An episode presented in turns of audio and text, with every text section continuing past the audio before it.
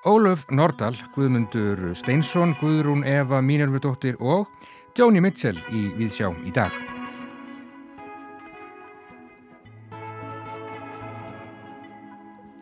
Sýningin Ungl, yfirlít sýningaverkum Ólafar Nordal verður skoður í dag í feild listamannsins og sapstjóra listasaps Reykjavíkur nöfnu hennar en sýningin var opnuð um síðustu helgi á Kjærvalstöðum. Já, við ætlum líka að ræða við eh, Stefán Baldursson, leikstjóra, að gefnu tilefni um höfundarverk Guðmundar Steinssonar leikskálds en leiklestrafélagi stendur í samfunni við þjóðleikúsið og Kristbjörgu Kjeld fyrir eh, viðamikili dagskrá um Guðmund og verk hans í þjóðleikús kjallaranum á næstu dögum. Þrjú verk eh, Guðmundar verða leiklesin, þjóðháttíð, stundarfríður og katthóll En eh, allt hefst þetta með sérstakri dagskrá í þjóðleikúskjallaranum á laugardag undir yfirskriftinni mælt fyrir minni skáld þar sem fjallað verður um æfi Guðmundar og verk hans. Þar koma leikarar við sögu á meðal þeirra sem framkoma í kjallaranum er Sigurður Sigur Jónsson leikari og hann verður auk Stefáns gestur viðsjárf í dag. Marjana Klara Lútersdóttir, einn af bókmyndagagrínendum Víðsjárfjallar í pistli um skáldsuguna aðferðir til að lifa af eftir Guðrúnu Efu Mínervudóttur.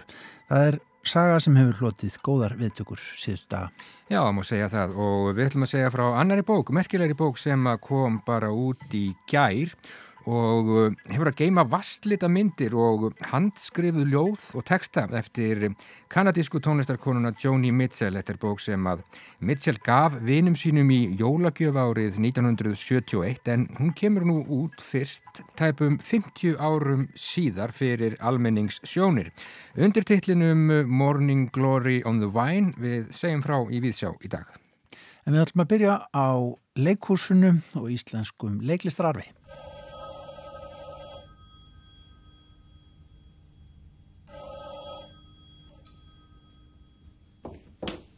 Gunni!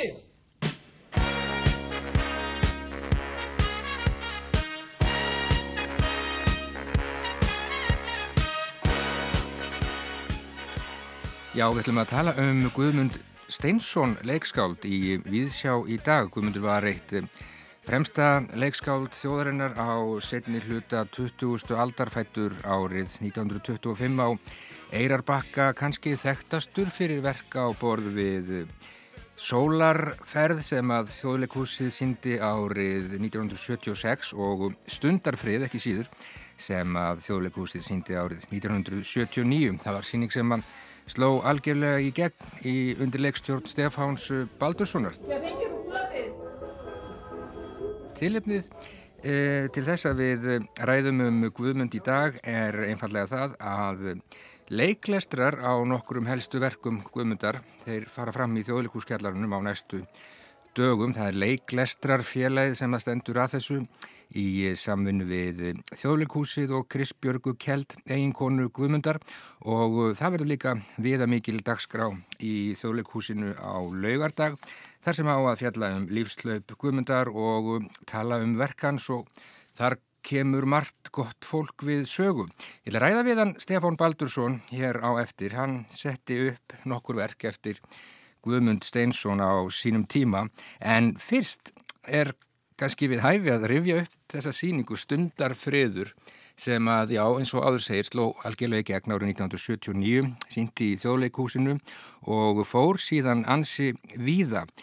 Þar steg á stokk korn ungur leikari sem að heitir Sigurður Sigur Jónsson eh, Sigurður, þessi síning hún, hún sló algjörlega í gegn og eins og í nefni þá fóruði með hann ansi víða. Þetta hefur verið ansi eftirminnilegt, ekki satt? Já, þetta var náttúrulega bara ævintýri frá upphæfið til enda. Þannig er ég náttúrulega líka að byrja minn feril, nýskriðin inn í þjóðlegúsið. Þannig að fyrir mig sem leikara var þetta náttúrulega bara stórkosli upplifin að öllu leiti, alveg frá að til ö. E, náttúrulega frábært leikrit og marga sögur kringu það og, og að þetta skildi verða svona vinsælt og við fórum víða með þetta og svo framvis og framvis.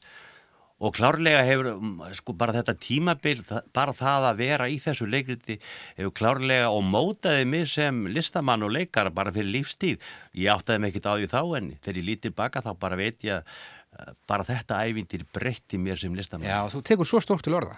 Já, þetta klárlega breytti mér algjörlega og bara það að upplifa þetta leikrit og auðvitað alla vinnuna í kringu það og bara það að kynast guðmyndi sem dæmi. Mm -hmm. Það að lesa leikrit þetta guðmyndi er mjög sérkjænlega upplifun. Hvernig þá? Ég upplifði þetta mjög stert mann ég á samlestri vegna þess að þetta eru mörg orð sem maður kannski segja ekkit mikið við fyrstu sín þegar maður les þau. Bara mín rulla var bara halló, halló, bless ég er að fara, ég skal sværi síman, ég er að fara á æfingu, pappi, bless, mamma og allt þetta.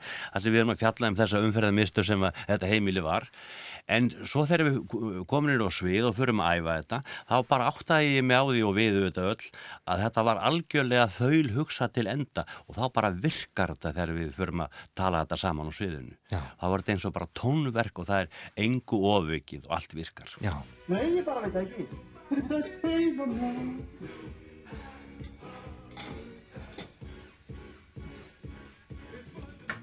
Já, já, það er ekki um steik á pönni Já Já, ég er svona hans. Erum við lítill? Og þetta einhvern veginn eh, talaði bara inn í já, tíðarandan á þessum tíma algjörlega. Algjörlega og, og sem því miður hérna á erindi ennþá við okkur. En þarna alveg hitti þetta algjörlega í mark. Já. Svo bara var svo marg svo gefandi í þessari vinn og ég auðvitað kynntist í Guðmundi sem höfundi á þessum tíma og, og kynntist honum síðan svo bara mjög nága þegar við ferðumst mikið með þetta til útlanda og þá var hann með okkur alltaf. Eitt atvik sem er svona afskaplega minnistætt, svona þegar ég hugsa tilbaka, það var, ég man það, eins og ég segi, ég var andra nýbyrjaður, það var einu stað, ég var eitthvað að velta fyrir mér eitthvað einnig setningu sem að minn karakter saði, veist ekki alveg hvað hann var að meina, þannig ég man að ég lappaði fram á Sviðsbrunna og Guðmundur var fram í sal og ég spurði svona bara náttúrulega hlétræður eins og ég var og er og svo fyrir ekki þú guðmundur hérna hvað er, hvað er hann að meina með setningunni hérna? Ég man ekki hvað setninga það var. Mm -hmm. þá man ég að guðmundur horfaði mig bara og sagði svona já það er nú það, ég veit það ekki hvað finnst þér? bara, þe bara þe þessi litlu viðbröð ég áttaði mig ekkert á því þá. Ég held að þau hafi reynilega bara skapað mig sem listamann. Já. því þá bara áttaði ég mig á því að ég var svona kannski bara partur af geiminu og ég var kannski skapandi listamæður og það svona örfaði mig til dáða. Já, hann hefur viljað Hann gerði hann gerði með segan. En uh, já, það er komin ansi mörg ár síðan þetta var sínt 1979, ég myndi halda að það væri þá 40 ár. Hvernig heldur þetta verk? Eh, sko núna er heimilislífið einhvern veginn þannig hjá flestum held ég að fólk hangir fyrir fram á tölvuskjá og hver í sínum síma en þarna var svona kannski aðeins öðruvísi eða hvað? Já, já, vissulega, hérna, hérna GSM sími var ekki komin og allt það, en ég held að, sko, nú hef ég ekki lesið verkið nýlega, en ég er alveg klára á því að, að það ætti erindi við okkur í dag, kannski með örlillum reytingum, en þá myndi það því miður hitta í mark. Já, það er leitt. Já. Sigurður, þú ætlar að koma fram í þjóðlíkuskjallarunum á hvað lögardagar það ekki? Lögardaglögan fjögur, þá ætlum við að fjalla um, um, um höfundaverkuðmyndar og afskaplega spennand og skemmtilegt að, að koma aðalum aftur þessum vinnu mínum. Mjög gott, takk fyrir komuna í Víðsjá, Sigurður og gangir allt í hæginn, takk. Kjæra takkir. Aldrei getur þetta blad komið á réttum tíma og ég sem er markbúin að kvarta. Það er meira hvað við liggur alltaf á þessu bladi. Ja, maður verður að fylgjast með því sem er að gerast í heiminum. Það geti uh, verið komin heimstyröld og hvernig á maður að mynda sér skoðun ef maður hefur ekkert blað. Stefán Baldursson, leikstjóri, þú settir upp verk eftir Guðmund Steinsson. Hvers konar, hvers konar leikskáld var, var Guðmundur? Guðmundur er náttúrulega einn af okkar eh, merkustu leikrita höfundum og hann var, daldur sérstakur að því liti, hann var á vissanhátt sko á undan sinni leikús samtíð, lengi vel framann af sínu ferli. Mm -hmm. Hann er náttúrulega nútíma leikskáld en hann skrifaði líka tölvert öðruvísi texta heldur en þá hafði týðkast þegar hann kom fram. Hann skrifar auðskiljanlegt kvestasmál, talmál sem er svona löst við skrúðmælgi og skaldlega viðleitni og uppbyggingi hjá Guðmundi, hún er alltaf nýttmiðuð og formtilfingi mjög sterk mm. sem gefur þessum kvestaslegu textum svona óvænt og orðið mikla dýft og bókmæntaelitan hafi til dæmis lengi vel mjög mikið á móti þessum bara leiktekstum hans að því þeir fannst þeir svona frekar ómerkilegir og það er alveg óglemilegt að þeirra stundafriðu var frumsýndu sem þótti nú alveg tímamóta síning á marganhátt og fekk alveg geysilega goða viðtökur þá var verið að nýta í leiktekstan eins og fólk sæði ekki í samhengi mm. eða fórsendum til að gera úr þessu goða síningu og einn okkar aðal gaggrinda þá líkti þessu við að þetta væri svona svo lesa lillgula hænuna en Guðmundur hann hefndi sér nút aldrei á hann því í næsta leikriti, Garðveislu þá var hann með heilt atrið um lillgula hænuna Já, einmitt. Hvað svona, um hvað var Guðmundur að skrifa svona, hver voru hans svona helstu helstu þemu, myndur þú segja? Sko, það voru mismunandi þemu, en það var manneskjan og manngildið var, var í fyrirrúmi, hann var að skrifa um samtíman og hann hafði tröll að trúa áhrifamætti leikúsins og hann trúði því að speiklun samtímans á sviðinu væri sterkasta vakningar aflið. Uh, hann vildi ekki bara vekja fólk til umhugsunar, heldur hvetja það til dáða í allslags siðferðis og samvinsku spurningum um hvernig menn ætti nú helst að lifa lífinu. Og hann sótti yrkisefnin sitt einlega alltaf í Íslands samfélag og okkar nánasta hverstags umhverfi sem sé fjölskylduna en samt eru verkans ótrúlega alþjóðleg Já. og vegna þess að kjarnir er samanlegur en það er róður hans borist mjög víða um lönd og víðar en nokkus annars nútíma leikskálds okkar. Það er, það er ekki bara síningar sem að íslensk, semst, íslenska pródúsjónu sem að farið á erlendar leiklistarháttíðir eða slíkt. Það hafa leikús í, í mjög mörgum löndum, öllum norðurlöndum, víða í Európu og austur í Asíu verið að sína þessi leikrit. Já, það er bara þannig, hann fer, hann fer víða guðmundur. Mjög víða. Sko, þau eru náttúrulega þekktust þessi verk, sólarferð og, og stundarfriður sem að þú kannast nú aðeins við, jú. upp þessa vinsælu síningu í þjóðleikúsinu á sínum tíma. Mhm. Sko, uh, þú settir upp fleiri verk eftir, eftir Já, Guðmund, ég var svo heppin að fá að setja upp eftir hann fjögur verk Já. á sviði og eitt setja upp í útvarpi. Þannig að okkar, þannig að myndaðist mikil og sterk vinnátt á mill okkar guðmundar í gegnum tíðina og var mjög náinn samvinna. Hann var náttúrulega mjög sérstakur höfundar því leiti líka. Hann satt svo til allar æfingar á verkonum sínum en uh, hann var ekki mikið að skipta sér af. Hann, hann treysti okkur, leikstjóra og leikendum fyrir efninu og hann var ekki svona höfundur eins og, eins og sömur eru sem eru með á æfingum til þess að breyta og, stokka upp og vera einhvern veginn að semja á leiðinni.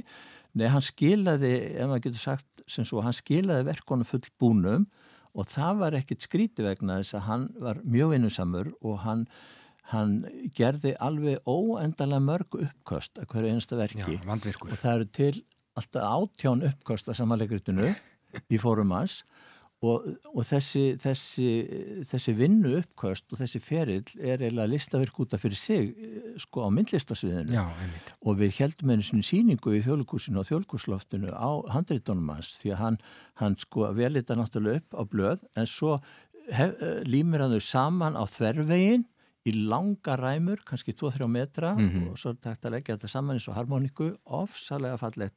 En fyrir vikið alveg þaul unni og það var eins og ég sagði, hann skipti sér ekki af því sem vorum að gera nema við leitum til hans, Einmitt. leitum álits hans á einhverju Og handreitin bara reyn listaverk út af, út af algjörlega, fyrir sig. algjörlega Sko af öðrum verkum Guðmundar þá má nefna Lukas og Garðveislu, Brúðarmyndina, Stakkaskipti. Hvað finnst þér svona, þú horfir tilbaka, Ég- hvað finnst þér standa upp úr af þessu verki hans? Mér þykir náttúrulega vænstu þessu verk sem ég hef unni.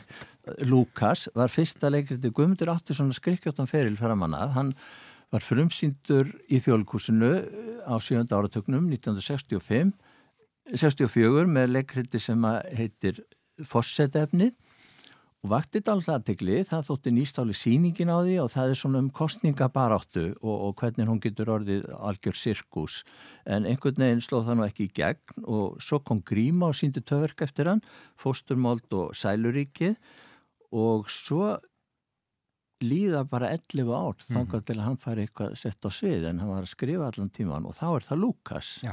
ég setti það upp í þjóðlíkusinu það er semst fyrsta verki hans eh, eftir þetta 11 ára hlýja sem kemur þar og það er alveg stórmerkilegt leikrið svo er það stundafriður sem við getum talað um lengi lengi því að við eh, lifðum með þeirri fjölskyldu í þrjú ár. Hún, hún sló aðsóknum með í þjóðlíkusinu það hafði ekkert nýtt íslenskt leikrið orðið svona vinsælt áður. Það var sínt næstum hundrasinnum Og svo fórum við í leikverð til eh, einna, einna sjö landa með, með verkið, tvö, tvö sömur í röð og endaði, svo endaði það í sjónvarpinu. Þannig að auðvitað þykir manni vænst um það verk. Já, en uh, mér fannst líka gríðarlega gaman að vinna bæði brúðarmyndina og stakkaskiptin sem eru tvö síðustu leikritinans og brúðarmyndin var reyndar við frumsýndum hana í bandaríkjónum í sviðsettun leiklestri á Jútsjón og Níl hérna, leiklistarsetrinu sem eru með árlega sumarháttir þar sem eru kynnti nýjir höfundar, bandarískir en Guðmundur hafi verið bóðinn þanga og það sem var óvinnilegt að hann fekk að taka með sér leikstjóra og íslenska leikara og þar var þetta fröðumflutt og svo sínt árið eftir í fullbúinni sviðsetningu í þjóðlíkusinu mm. og stakkarskiptið aðeins að segja, segja fyrir því líka hvernig það kom til síðasta leikriðinans, það var samið uh, um miðja það var samið 94-5 og þá er mikið atvinnleysi á Íslandi og Guðmundur er mjög upptekinn af þessu og hann er að taka viðtölu atvinnlöst fólk út um alla trissur og og þá er ég árið þjólkustjóri þeirra og við, hann er að segja mig frá þessu öll og ég sting þá upp á því við hann hvort hann, ég hafði eh, grunum að hann ætlaði nota þetta kannski fyrir leikúsi, hvort hann vildi ekki bara taka stundafriðs fjölskylduna og semja nýtt leikrið um hanna og það var gert að það gerist semst 16 ára síðar Já. og það eru sömu personar og sama fjölskyldan, mm -hmm. heimilsfæðin að missa vinnuna, þorri ekki segja frá því og fer bara út á heimilinu á mótnana og þetta náttúrulega og svo er líka verið að fjalla um fíknefna vandana því yngsta stúlkan í leikritunni er fallin, fallin í, í þágrifju og svona væri lengi hægt að ræða verkans það er, var gríðarlega gaman að vinna allir þessi leikrit vegna þess að hann gefur leikstjórnum svo mikið frelsi Nákvæmlega og margir fletir á þessum verkum áns og við mættum kannski vera dugleiri við það að setja þau upp en En þið ætlið allavega að leiklesa þrjú verk eftir Guðmund Steinsson á næstunni í þjóðleikúskjallaranum. Þetta er þjóðháttíð í leikstjórn Sveins Einarssonar, Stundarfriður í leikstjórn Benedikts Erlingssonar og uh, Katthól í leikstjórn þinni Stefán. Já, það sem er sérstaklega Katthól er að það hefur ekki verið flutt áður. Hinnleikritin hafi verið sínt og oftar en einsinni hér og þar. En Katthól er ósýnt verk en við ætlum að leiklesa það og það fjallar um fjölskyldu eins og, og mörg kynna. En það sem er sérstaklega þarna að þetta er um uh, hjón, maðurinn er vísindamadur og, og, og eiginkon er tískuhannur og þau er táning svon sem er ungningur og hann er mjög vansall yfir því að hann fær ekki nóg aðdeglu og nýja ástúð frá fóreldrunum svo hann tekur upp á því að smíða sér nýja fóreldra. Takk fyrir það. Karl Vélmenni og Kvenn Vélmenni. Nákvæmlega. Fylgjumst nánar með þessu, þetta er mjög gott framtak og auðvitað dagskrá á laugardag þar sem að farið verður yfir feril Guðmundar Steinssonar, það er, það er Marja Kristjánsdóttir og Þórun Sigriður Þorgrímsdóttir sem að standa að þeirri dagskrá en ég segi takk fyrir komuna í Víðsjá. Stefán Baldursson og til ham ekki með þetta fína framtak. Takk. Takk fyrir. Það er engun að treysta, engun. Þetta er fólk sem talar illa um mig. Já, mig. Ég er gamlir uppvinir. Fólk sem ég á alltaf treyst. Rægir mig. Kalla mig öllum íllum nöfnum. Kalla mig blóðsuga. Og hræsta hann. Mig, já, það segir þessi falskur. Það segir þessi drottnunar gjarna í svífisteinskýr. En þið hugsaðu ekki þannig. Þið talaðu ekki svona um mig. Hvað segir fólk það svona? Og ég sem hef helgað öðru fólki líf mitt, sér fólk það ekki. Maður á ekki að gera neitt fyrir aðra, maður á bara einhverju hugsun sjálf á sig. Já, við eh, heyrum hér í lokin og heyrðum hér í lokin örlítið brot úr eh, leikrættinu Lukasi eftir Guðmund Steinsson. Þetta er eh, úr uppfæslu sem að leikópurinn aldrei óstelandi setti upp fyrir nokkrum árum í leikstjórn Mörtu Nordal 2013 held ég að það hafi verið. Heyrum hér, eða heyrðum hér í Stefáni Halli Stefánsinni. Í einslæginu heyrðum við líka brot úr leikritinu Skýrn eftir Guðmund sem flutt var hér á ráseitt í leikstjórn Stefáns Baldurssonar og svo heyrðum við auðvitað glefsur úr stundarfriði en leikriti var syngt í sjónvarpunu árið 1982 leiklestrar og dagskrá um Guðmund Steinsson framundan í þjóðleikúskallaranum. En þá ætlumast nú okkur að bókmyndum en það streyma bækutur á markað þessi dana. Marjana Klara Lútersdóttir verður í gaggreinandahópi við sjár næstu vikurnar. Hún er búin að lesa skáltsuguna aðferðir til að lifa af eftir Guðrúnu Efu Mínarvidóttur. Við skulum heyra hvernig Marjanu Klöru fannst það. Guðrún Eva Mínervudóttir býr yfir sjaldgefri gáfu. Hún getur skrifað um harmræna og dramatíska atbyrði án þess að falla í grifju tilfinningasemi, en er þó langt frá því að vera fjarlægur eða kaldur höfundur. Einhvern veginn tekstinni að feta vandratað einstígi þar á milli. Sorgirnar sem byrtast í sögumennar stíga fram æsings og átakarlaust og blekja jafnir lesendan með því að láta lítið fyrir sér fara, en sita svo eftir í sinni, laungu eftir að lestri líkur. Aðferðir til að lifa af er skaldsaga, en kallast þó á við smásögurnar í síðustu bók Guðrúnar Efu, Ástin, Texas. Þótt formið sé annað má finna ákveðin samhljóm með personum og ekki síður andrumslofti begja bóka, sem er í senn hverstagslegt og brotætt. Hér er ekki um að ræða episka frásögn með upphafi, miðju og endi, heldur er þetta lástemt saga, innlit í líf fólks og öll kurl svo sannarlega ekki komin til gravar þegar við skiljum við personurnar. Fremur höfum við fengið að fylgja þeim stuttan spöl á lungu ferðarlægi. Uppbygging bókarinnar minnir við fyrstu sín á smásögur. Kaplarnir bera nöfn personana og þær skiptast á um að segja söguna. Í upphafi tengjast personurna lítið og minna því kaplarnir fremur og lauslega tengtan sagnasveig. En eftir því sem frásögninni vindur fram fléttast örlög personana saman. Aðalsögu hetjurnar fjórar eru ólíkar en eiga það sameinlegt að vera einmanna, jafnvel einangraðar. Þær hafa lendi áföllum, ekki alveg tekist að fóta sig aftur og eru nú, mismikið þó, á jæðri samfélagsins. Unglingstúlkan Hanna býr á samt móður sinni í sömarbústað og berst við ímsa djöbla, þar á meðal átröskun. Skamt frá býr ekkjan borghildur. Hún og setni maðurinn hennar náðu bara sjö árum saman áður en hann varð bráðkvættur í gönguferði í nágrenninu. Spottakotnin lengra býr átni. Hann er öryrki, of þungur og með of þröngar æðar í fótunum. Honum fylgir stór og æstur labradorhundur sem hann fjakk sér í vonum að hann er þið sjálfur duglegri að hreyfa sig. Í næsta húsi við hann býr svo hinn 11 ára gamli Aron Snær með fárveikri móðu sinni. Sögursviðið er lítið þorp, ekki langt frá höfuborgarsvæðinu, við skóg og nálagt vatni. Mögulega laugavatni þar sem í nágrinnum á finna íþróttakennaraskóla. Personurnar sem eru örlíti hliðraðar í samfélaginu eru það á ákveðin hátt einnig í búsetu. Þau búa ekki lengur í höfuborginni, þau búa ekki einu sinni í miðbæ þorpsins, þau búa á jæðrinum. Móður hönnu var að skilja og þær hafa fengið afnót af sömarbústað vina móðurinnar. Átni vann áður við fjölmiðla og bjó í miðbænum en er komin á öroskubætur og neytist til að finna ódýrara húsnæði. Borghildur og maðurinn hennar flutt úr borginni til að reyka ferðamannabústaði sem hún sér nú ein um og foreldrar Arons Snæs eru einnig skilin og hann býr með móður sinni sem berst við þunglindi. Þegar móður Arons veikist alvarlega lendir hann fyrir röð tilviljana hjá Borghildi og á stuttum innri tímaverksins fléttast líf allra personana saman.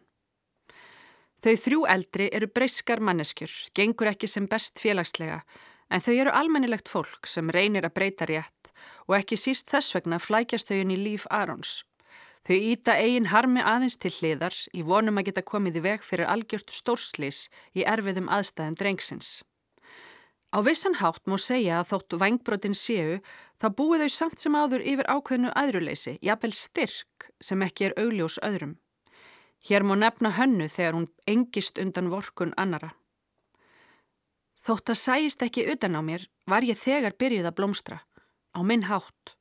Í hvert sinn sem fólk kom upp um mótsagnakenda mennsku sína fullornaðist ég svo litið. Skilningu minn dapnaði undir lignu yfirborði. Í mínum huga átti það ekkert skilt við dómhörku. Það var bara aðferð til að lifa af. Þrátt fyrir að personurnar séu í aðra röndina hverstagslegar og líf þeirra hverstagslegt, allavega framan af, hefur lesandin sterka tilfinningu fyrir því að þær séu allan tíman að rétta fjöreg sín á milli. Svo brotætt eru samskiptin, svo viðkvæm eru augnablikin.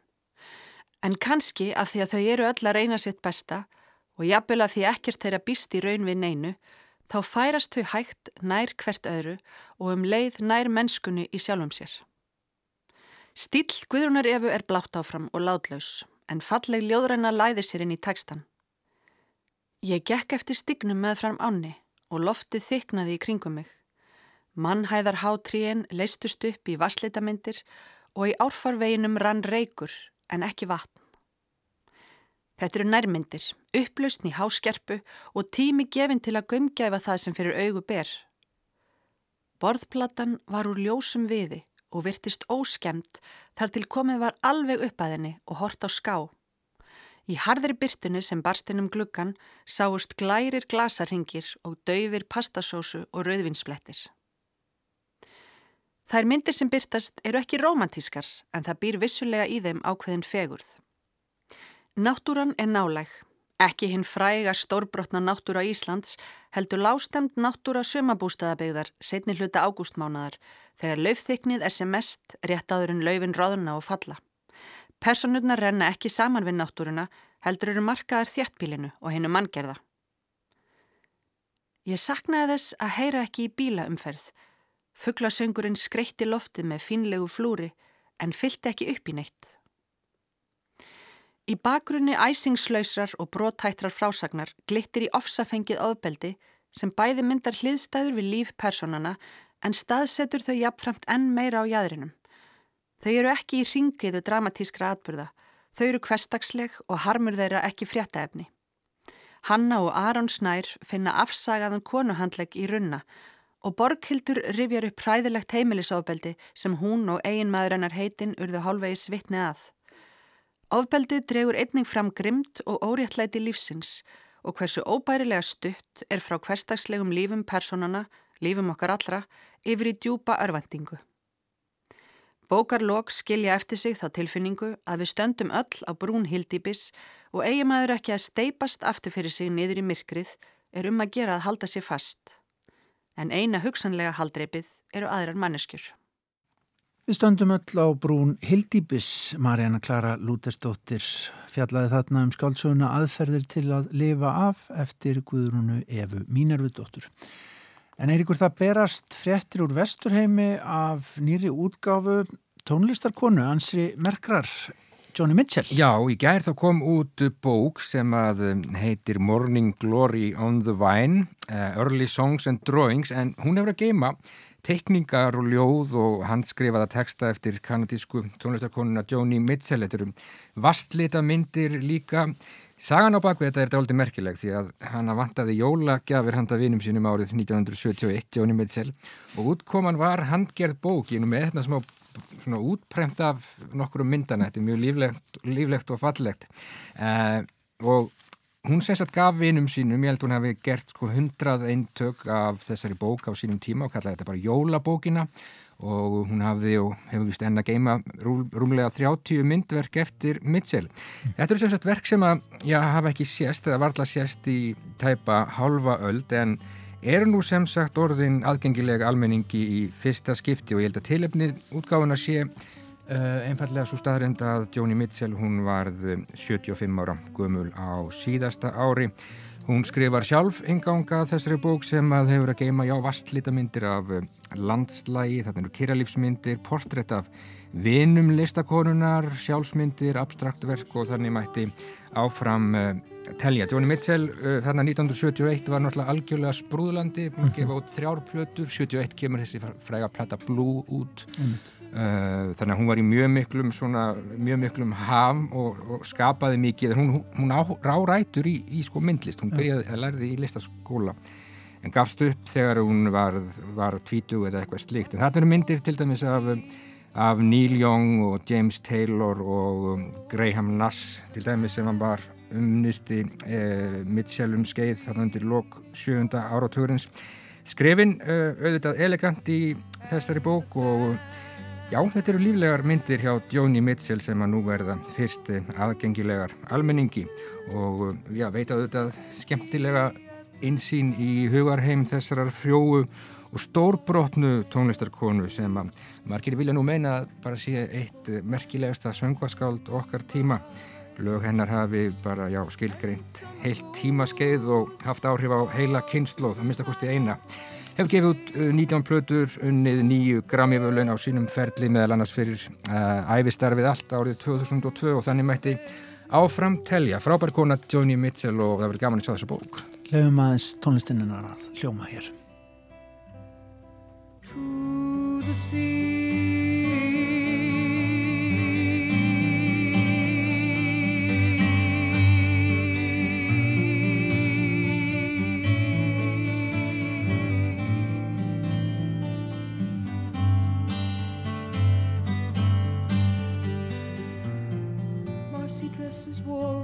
it's snowing.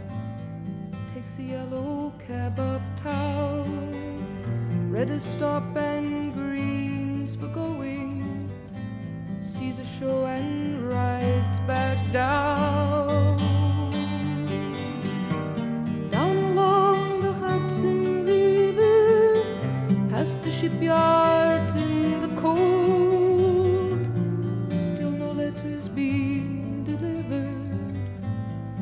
Still the winter days unfold. Like magazines fading in dusty gray attics and sailors make a dream dream back to summer and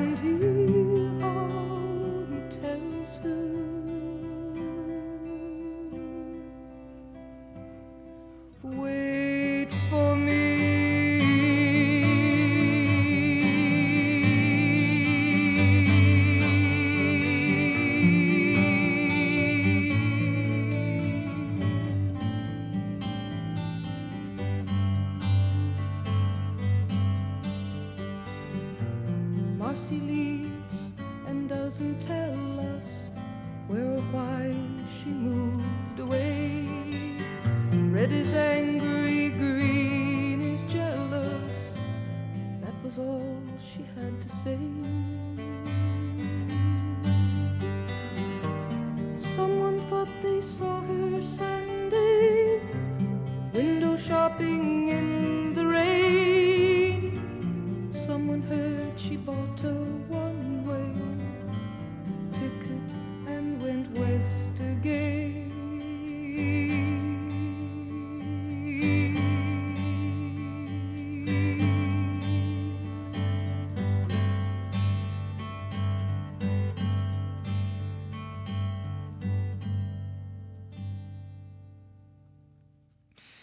Já, Marcy, lægið Marcy með Joni Mitchell af fyrstu plötu hennar sem kom út ára 1968, Song to a Sequel, söngur til eh, Máfsins, ný bók komin út eh, sem hefur að geima vasslitamindir eftir Joni Mitchell eins og við sögum frá hér rétt áðan, en Guðni það er, já, meira, meira myndlist.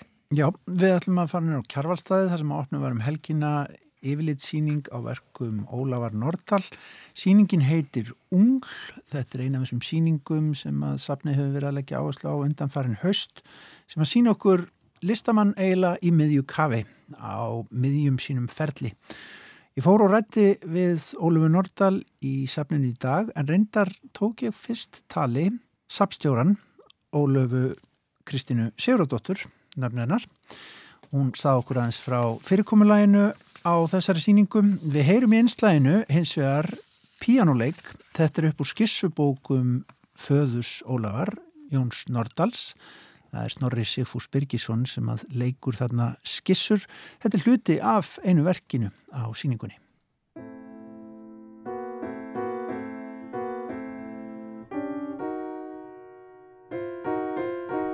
Þú ert komin á kjálfstæði á þriðju síninguna í rauð yfirlitsíninga sem að safni setur upp á haustin á verkum starfandi listamanna sem að þegar hafa sínt að þeir eru mikilvægt einlegi íslenska myndlistasögu en eru enþá í stöðri þróun og eru að takast á viðfóngsefni sína af mikil, miklum þunga. Þannig að hér ert þú á síningunni Ungl þar sem að við höfum tekið saman verk Ólafar Nordal.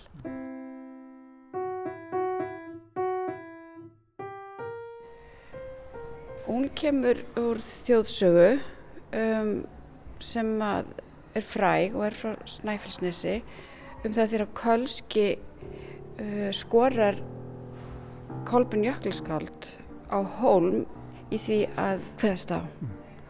Og uh, sá sem myndi inn, vinna það einvið myndi síðan verða á valdi hins. Og þeir setjast uh, niður við Þúfubjörg. Kölski byrjaði að henda fram fyrirpart og, og uh, Kolbin botnaði. Og það gekk mjög vel hjá Kolbinni þennan fyrirpart og síðan uh, set, setni part nætur þá, þá tekur uh, Kolbin við að henda fram fyrirpart og Kölski að botna. Og það gengur líka mjög vel hjá Kölska. Svo hérna það er til að Kolbin tekur nýfur vassinum og ber hann við glirnur kölska þannig að ekkin bara við tunglið. Það er náttúrulega, óð, það er náttúrulega full tungl. Og hérna og hendi fram þessum fyrirparti horfði í þessa egg-egg undir þetta tungl-tungl og þá verður kölski reyður og segir þetta er engin skálskapur að tarna kolbein það, það veit allir það rýmar ekkit orðið tungl í íslensku það botnar kolbein þegar í stað og uh, segir um, steipi ég þá með legg-legg lið sem hrærir ungl-ungl og Kölski viðurkenn sér strax segir hann og hendi sér niður á björginu og öldurnum til þúfubjörgi. Mm. Það sem ég finnst áhugavert við þetta er að orðið ungli er náttúrulega ekki til mm. og þetta er bara hrein og klár skálskapur en frumleg hugsun hjá skáldinu sem að er svo sterk að hún getur sigrast á henni íla. Mm. Það er hérna sköpunar gáfan sem að, sem að sigur. Já, og, og, og frumleg og frjálsöksun.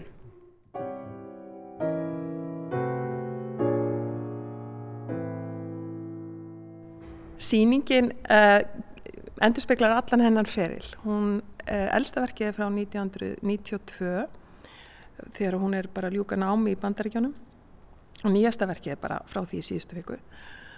En sýningin sjálf, hún endur speklar þennan feril. Uh, hún er ekki sett upp í tímaröð heldur um, hverfist um ákveðin viðfásefni og þá er í fyrsta hluta síningarinnar eru verk sem að vísa til uh, þjóðmenningarinnar og okkar svona sögu og menningarlegs afrs sem að reyndar er eitthvað sem að gengur í gegnum alla síninguna. Mm -hmm. Það sem er kannski uh, verkið Valþjóstaðuhurð sem er sem er eh, svona líkilverk í því rými á samt svo sem fleirum. Síðan er, síðan er rými sem að, það sem að mannslíkaminn er í forgrinni en það er svona mín tilfinning fyrir því rými er líka svolítið svo að, að þar eru verk sem að Ólöf sækir sérstaklega mikið í, í söfn eða, eða svona bæði sapneignir en líka söfn sem eru nokkuð svona gagnasöfn og gagnasöfn sem eru tekinn saman í þeim tilgangi að búa til ykkur, ykkur ákvæmna þekkingu kannski á, á ólíkum tímum en við lesum svo með okkar glerjum í dag. Mm -hmm. Þannig að þau segja eitthvað um þann tíma sem að þau voru tekin á eða sem að sapna saman á en þau segja líka greiðarlega mikið um okkar tíma. Síðan er þriðja rýmið, svona þriðja megin viðfangsefnið er tengsl manns náttúru, manns og dýrs. Og það er svona nýri verkin eru, eru þar en þó svo það sé alveg þráður sem á reyka reyka í gegnum allanferilin. Síðan er svona fjóruða, vítin í síningunni það er, er viðfánsefni sem að eh, Ólöfu hefur líka verið að fást við lengi en kannski meira á fyrirlutanum þar sem hún er að, að velta fyrir sér skrýmslum en skrýmslin eru í rauninni takk fyrir eitthvað sem að er að gerast í þeim samtíma sem hún er að lifa. Og það eru verk sem að hafa líka eins og mörg að þessum verkum eru pólitíslaðin að þau eru það líka þau verk.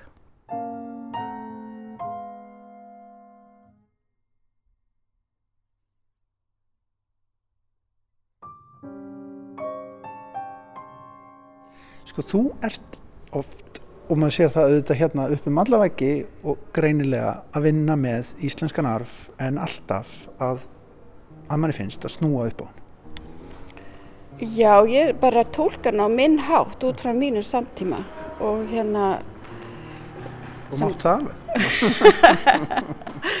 ég hef alveg fullt leiði til þess og ég leik mér á hannum en ég nota hann eins og ég segi bara til þess að einhvern veginn að tækla ákveðin uh, málefni sem er í kringum okkur mm. í dag. Mm -hmm. Hérna til dæmis nýtt verk eftir þig sem er móskurður, ekki satt? Sem hérna, heil mikil, mikil raugur af mó? Já, þetta er móraugur. Þetta er mór, hann er reynda líka á snæfellsnesi. Tekinn í fjöru, þetta er fjörumór uh, og tekinn um, langt út í fjöru á, stó, stórstrym, á stórstrimi. Hvað er það við þetta efni sem er svona heilandi? Allt. þegar maður, sko, þetta er tekið úr barði sem stóð áður og ekki fyrir svo löngu síðan upp úr sjó en er núna, nú er sjórum búin að, sagt, að vinna á honum og þetta er líka bara slétt við fjöruna mm -hmm. og maður bara fer með skóplu og onni og þá kemur upp þessi stórkosli mór sem er 60-10 ára gammal skóarbotn ja. og uh, það gerist eitthvað bara í, sko, í tíma að það verður eitthvað svona sérkynleheit að, að halda á ferskum laufum og fersku, uh, ferskum greinum frá þessum tíma sem að er svo langt síðan að maður einlega, maður skinnjar það ekki. Þetta er, þetta er svona í, langt fram yfir það að maður skinnji það og þetta verður auðvitað nota sem um, eldi viður á sínum tíma í, hérna í landi þar sem ekki var um annað ræða. Og, er, og þetta er bara alveg reynd sko hreint lífrand efni. Mm mjög áhugavert. Og það var líka, og gamla dag var náttúrulega eh, hefð fyrir því að, að sapna mó og þurka og, og, og hlaða upp í mórauka og þetta var á hverjum bæ eða allavega þar sem var mó að finna. Og þetta voru bara skúldurar og fólk hafði áhuga á að byggja glæsilega mórauka tóku ljósmyndir af þessu og, og voru stolt af þessu en nú sjáum við þetta náttúrulega ekki lengur. Og ég þekkti reynur ekki mórauka fyrir en ég fór að skoða mó sjálf.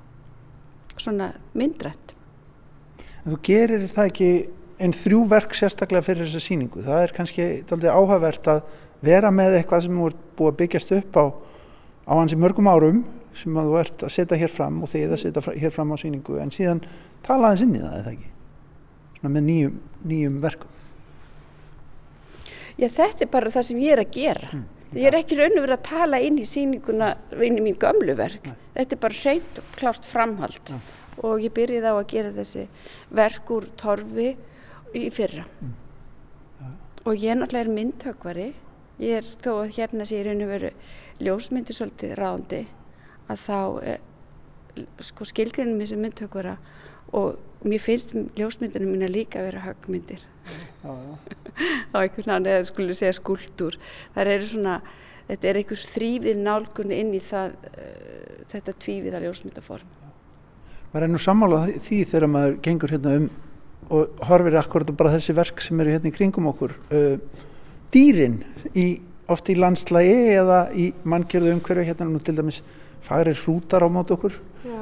þetta er skúltúrist Já, þetta eru reyndar portrétt af fórstu fjö og uh, þetta eru bæðir hrútar og uh, kindur og, og, og sögðir. Já, sé það núna þegar maður horfið nána á. Já. Það er bara hotnin fyrst sem eru svona ábyrgandi. Já, akkurat, akkurat. En ég hef lengi haft rosalega áhuga á fórstu fjö og þetta er náttúrulega bara einhvern veginn uh, bara mitt áhugamál. og þetta er náttúrulega fjallarum bara þetta samspil dýrs og manns og náttúru sem að, uh, er svo uh, sem við þekkjum frá fórustu fjennu því að þetta er náttúrulega sér rasi innan íslenska fjárstofsins sem blandast ekki öðru fjö og þau búa yfir um, um, svona ófreski gáfi þau, þau geta þau skinja veðubreyði og og virðast einhvern veginn sjá inn í framtíðina mm. og svo hafið þessu sérkynlu sko, fórustu hæfileika sem er mjög greinileg þegar maður sér þessi, þessa einstaklega inn í hjörð mm -hmm.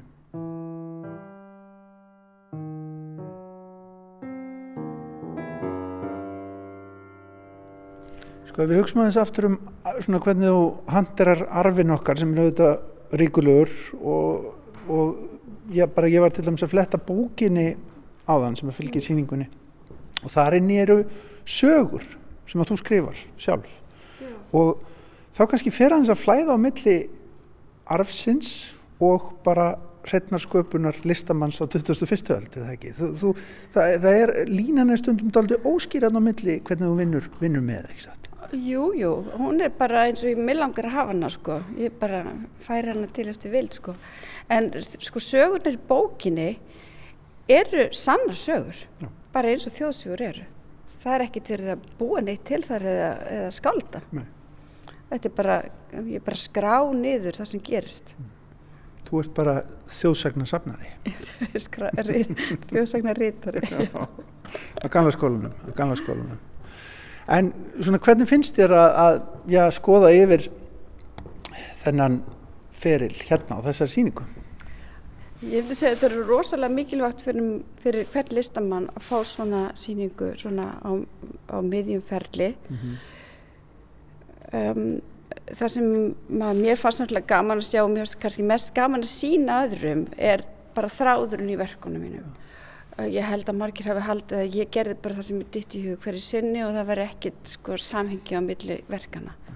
Og, og það er mjög eðlert vegna þess að ég hleypa milli stíla og ég hleypa milli tækni eins og mér sínist. En, um, en það er samt alltaf ákveðin þráður sem er þessi þráður kannski aftur í tíman sem að um, uh, er í öllum verkunum og þessi, þessi leit frá hennu persónli til þess almenna því að öll verkið minn hafa mjög persónlegan sko útgangspunkt. En síðan verður það mjög þannig að það er bara, ég er bara tækli kannski svo stór mál í hendana sko. Eins og bara loftlagsmál eða, eða sjálfsmynd Íslendinga eða eða útrýmingu hérna uh, tegunda sko svona risamál Risamál. Sko.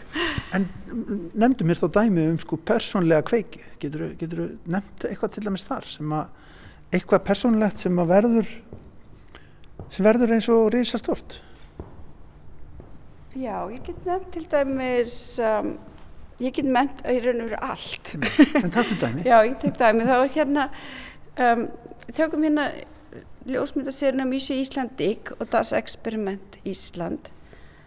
Um, hún byrja bara gjörsanlega því að ég fyrir á ættamót og hitti frænda minn sem segir mér það að það sé til afsteipa af forföður okkar langa, langa, langa af okkar á Kanaríum og hann var fættið sko 1775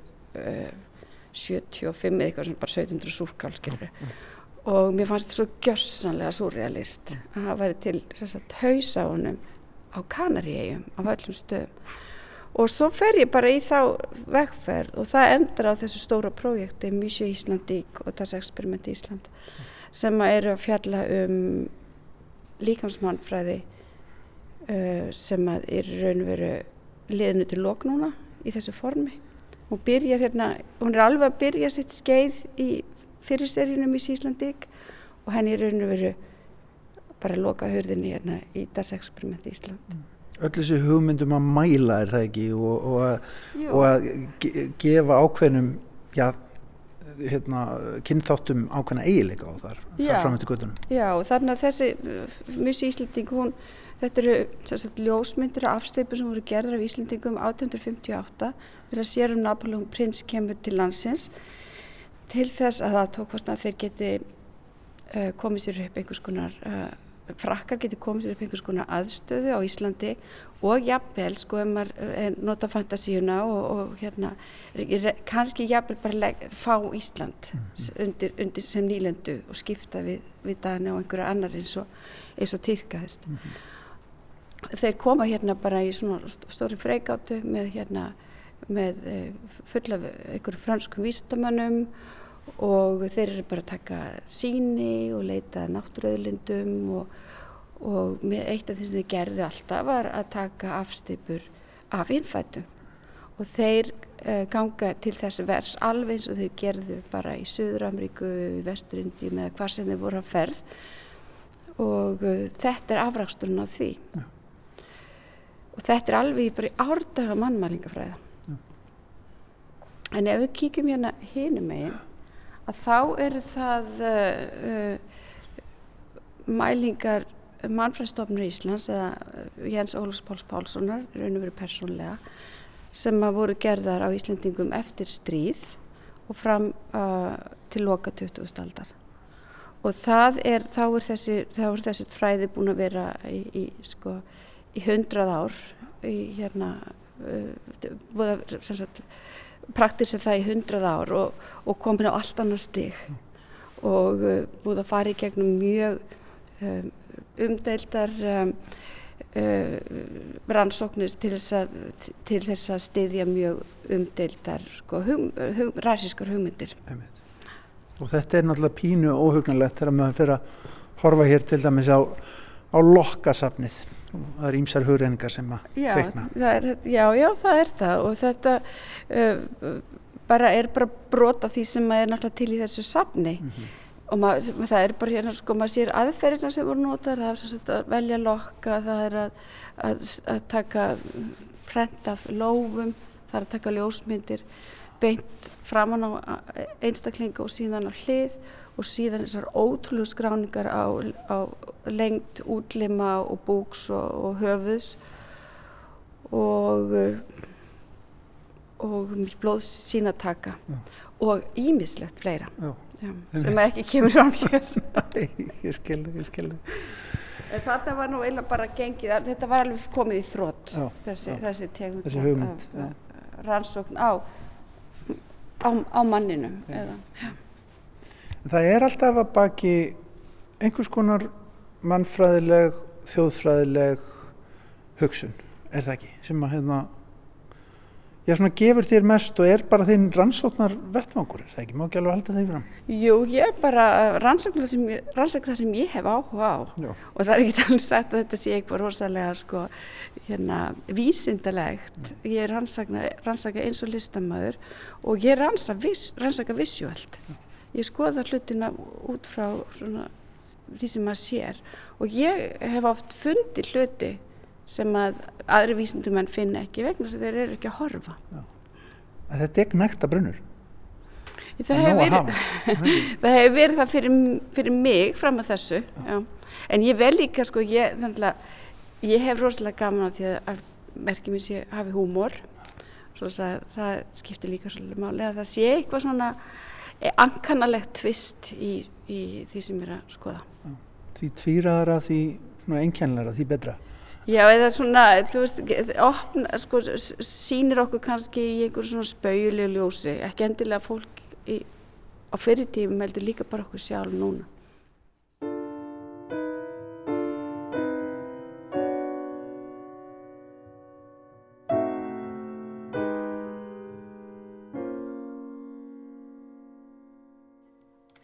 Nokkri tónar úr einu verkana eftir hana Ólöfu Nordal. Þetta er eins konar óðurinnar til föðusins Jóns Nordals tónskálds. Snorri Sefús Birgisson leka á píanóm.